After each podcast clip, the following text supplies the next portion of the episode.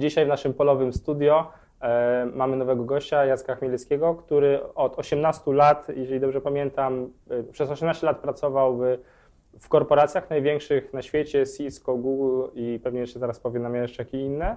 E, Obecnie jest trenerem, który pomaga, e, między innymi trenerem, inwestorem, który pomaga przedsiębiorcom e, w komunikacji z rynkiem, zarządzaniu zespołem, budowaniu zespołów, budowaniu pozycji lidera i, i o tych tematach będziemy dzisiaj rozmawiać.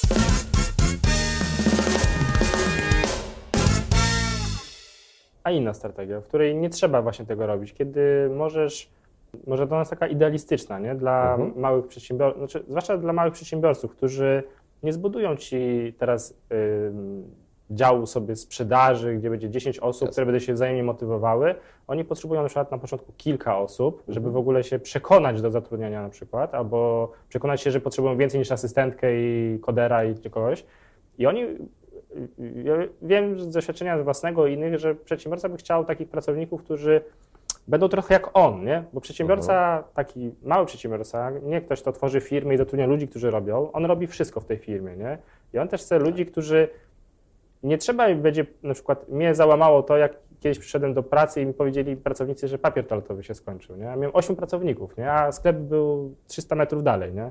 Ja mówię, Boże, co ja zrobiłem z tą firmą, nie? Tak. I ja, ja później wszystkich to- zwolniłem, bo po prostu, znaczy nie, nie po tym od razu, ale w sumie wszystkich zwolniłem ostatecznie, bo stwierdziłem, że ja już nie naprawię tego, nie? bo taki, tak złą kulturę wytworzyłem. Mhm. Miałem bardzo fajnych ludzi, którzy dzisiaj pracują w bardzo fajnych firmach, mam z nimi dobre relacje, ale ja to spieprzyłem totalnie, bo, Tak. bo się odciąłem od nich, chciałem w innym pokoju i Piotr Szapoba, że to mówisz, że to ty schrzeniłeś, tak? Tak. No bo, e, bo nie to był wielu dobry materiał, który po prostu Tak. że został ulepiony przeze mnie. Nie? Dokładnie, wielu liderów by powiedział, a tacy ludzie. To nieprawda. To, to, to my wytwarzamy jako menadżerowie, jeżeli jesteśmy zatrudnieni na etacie albo właściciele, tak jak teraz prowadzę firmę, to, to my wytwarzamy pewną kulturę. I ja ci powiem, zobacz, teraz prowadzę firmę i, i zatrudniłem ludzi i ja zatrudniłem ludzi w taki sposób, że zapytałem w trakcie rozmowy rekrutacyjnej, jak długo możesz pracować dla mnie za darmo?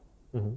Bo ja mam ogromną świadomość, że pieniądze muszą się zgadzać. To nie może być Tak. tak, że ktoś idzie do pracy i się martwi, o Jezu, Jezu, Jezu, nie mam wystarczająco dużo pieniędzy. Nie, pieniądze muszą się zgadzać i musimy się umówić na takie pieniądze, które są akceptowalne dla obu stron, dla Mhm. pracodawcy i dla pracownika. Ale no, jeżeli zadajesz pytanie na rozmowie rekrutacyjnej, jak długo możesz pracować dla mnie bez pieniędzy, to po pierwsze weryfikujesz zaangażowanie tego człowieka. Po Mhm. drugie, mm, widzisz, czy on naprawdę chce pracować dla ciebie tylko i wyłącznie dla pieniędzy, czy czy z jakichś innych powodów. I oczywiście rozumiem, że teraz może się rodzić w głowie e, pytanie. Tak? Tak, to jest jedna rzecz. A drugie pytanie, to jak ja mam to zrobić? Ja zaczynam biznes i, i tak dalej, nie, nie mam osiągnięć. Okej, może mnie jest łatwiej, tak? Ja pracowałem już długo w różnych firmach i, i oczywiście, jeżeli ktoś spojrzy na mój profil, czym się zajmuję albo czym się zajmowałem, to oczywiście mam pewien handicap, bo, e, bo zresztą pracowałem i za granicą ponad 10 lat i odpowiadałem za strategię rozwoju w 126 krajach na rynku commercial e, dla partnerów w Cisco i, i w Google I prowadziłem. ludzie czują, że mogą się od ciebie nauczyć po prostu. Nie? Tak, więc oni to widzą, że, że mogą się nauczyć, ale z drugiej strony, jeżeli ktoś sobie zadaje pytanie, to co ja mogę zrobić, jeżeli nie mam jeszcze tylu osiągnięć? Sprzedać wizję. Mhm. No przecież na koniec dnia każdy z nas jest sprzedawcą. Tak. I rozmowa rekrutacyjna, jak, się- jak się rekrutuje ludzi, to, to jest sprzedawanie z dwóch stron. Sprzedaje siebie pracownik, ale i pracodawca musi siebie sprzedać. No bo jeżeli siebie nie sprzeda, no to kupi pracownika, ale kupi jego ręce, a nie jego tak. głowę. No tak. No i to jest to, to wyzwanie, więc nawet jeżeli ktoś nie ma za sobą może osiągnięć, nie może jeszcze, nie może się pochwalić, nie ma może brandu takiego na rynku, no to rozumiem, ale niech sprzeda koncepcję i wizję rozwoju. Niech powie, dzisiaj robimy to, ale chcemy dojść tu, chcemy dojść tak.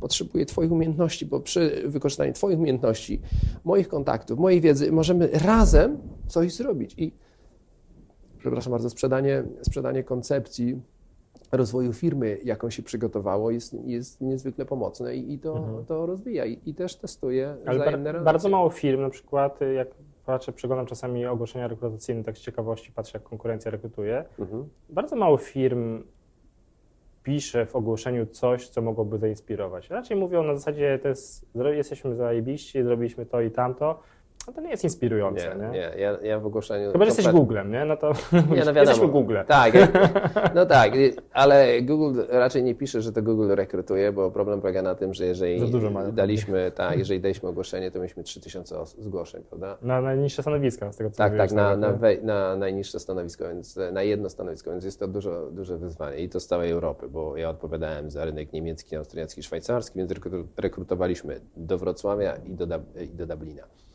Więc to oczywiście brand sam sprzedawał, ale jak ja rekrutowałem ludzi do swojej firmy, to, to dałem ogłoszenie, które było intrygujące.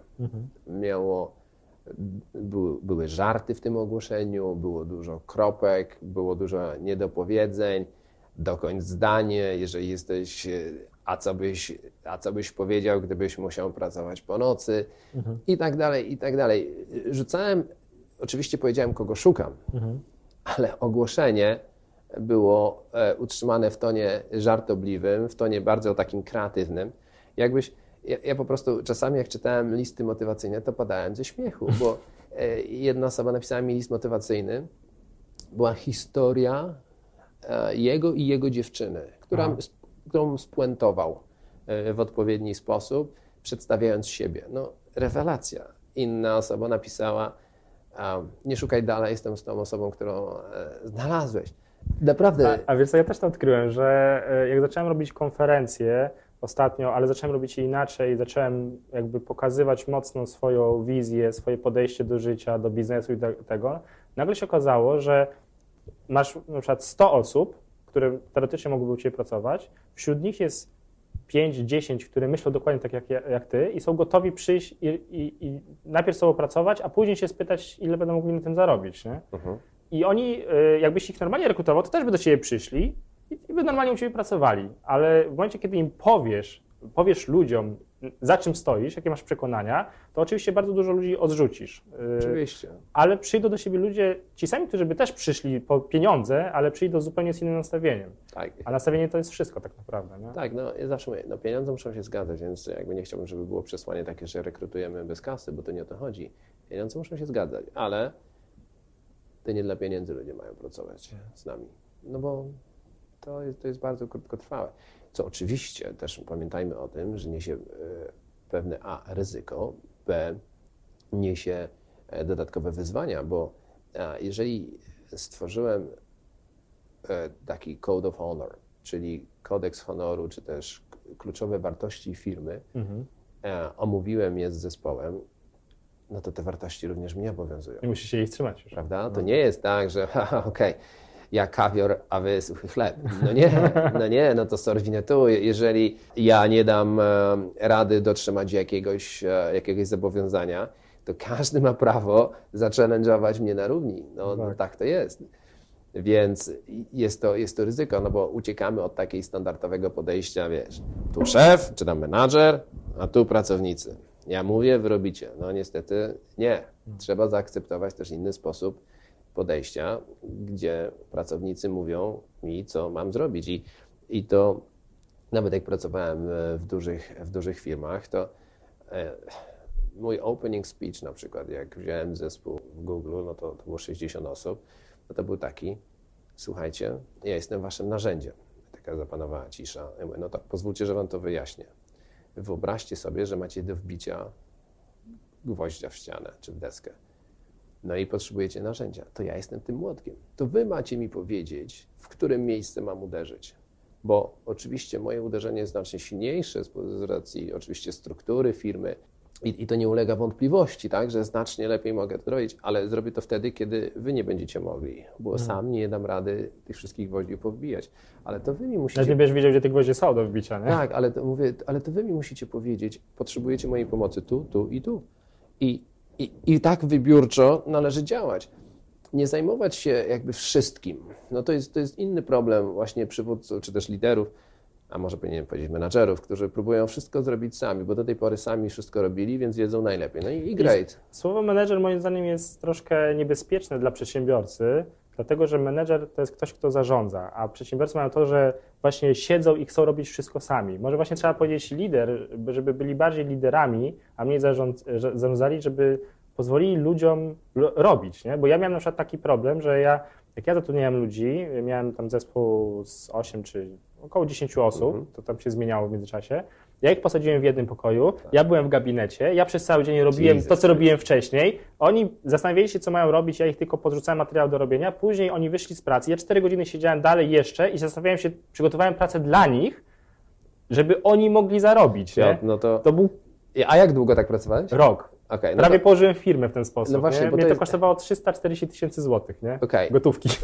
wiesz co, to, to jest tak, że i, i to jest dużo dla małego No. przedsięwzię- przedsięwzięcia. Teraz wyobraź sobie e, firmę i na przykład e, zarządzałem sprzedażą, nie 150 milionów dolarów, albo jak brałem, pracowałem w Cisco, to było 30 parę milionów dolarów. No i wyobraź sobie, jak to zrobić, jeżeli ktoś ma, sam to chce zarządzać. Absolutnie, to jest...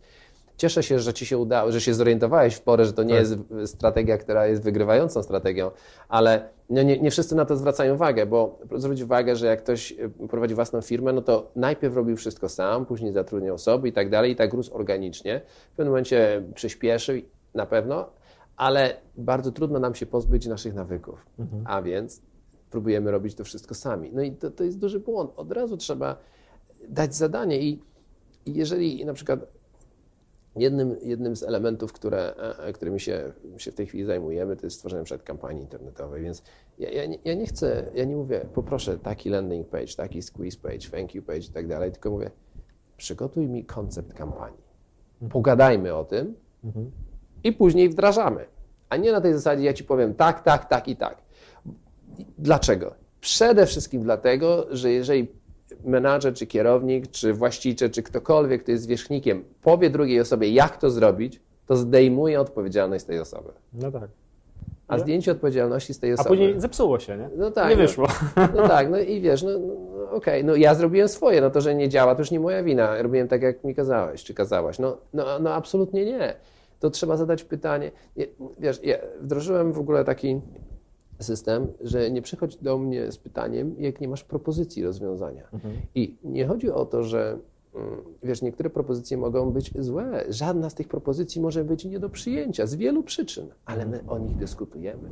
Ja wiem, że ktoś je przemyślał, wiem, że ma jakąś koncepcję, wiem dlaczego tak. Ci mogę powiedzieć, no i znowuż odwołam się do, do przykładu e, z Google'a może. Odpowiadałem za rynek niemiecki, austriacki, szwajcarski. To są setki milionów dolarów obrotu.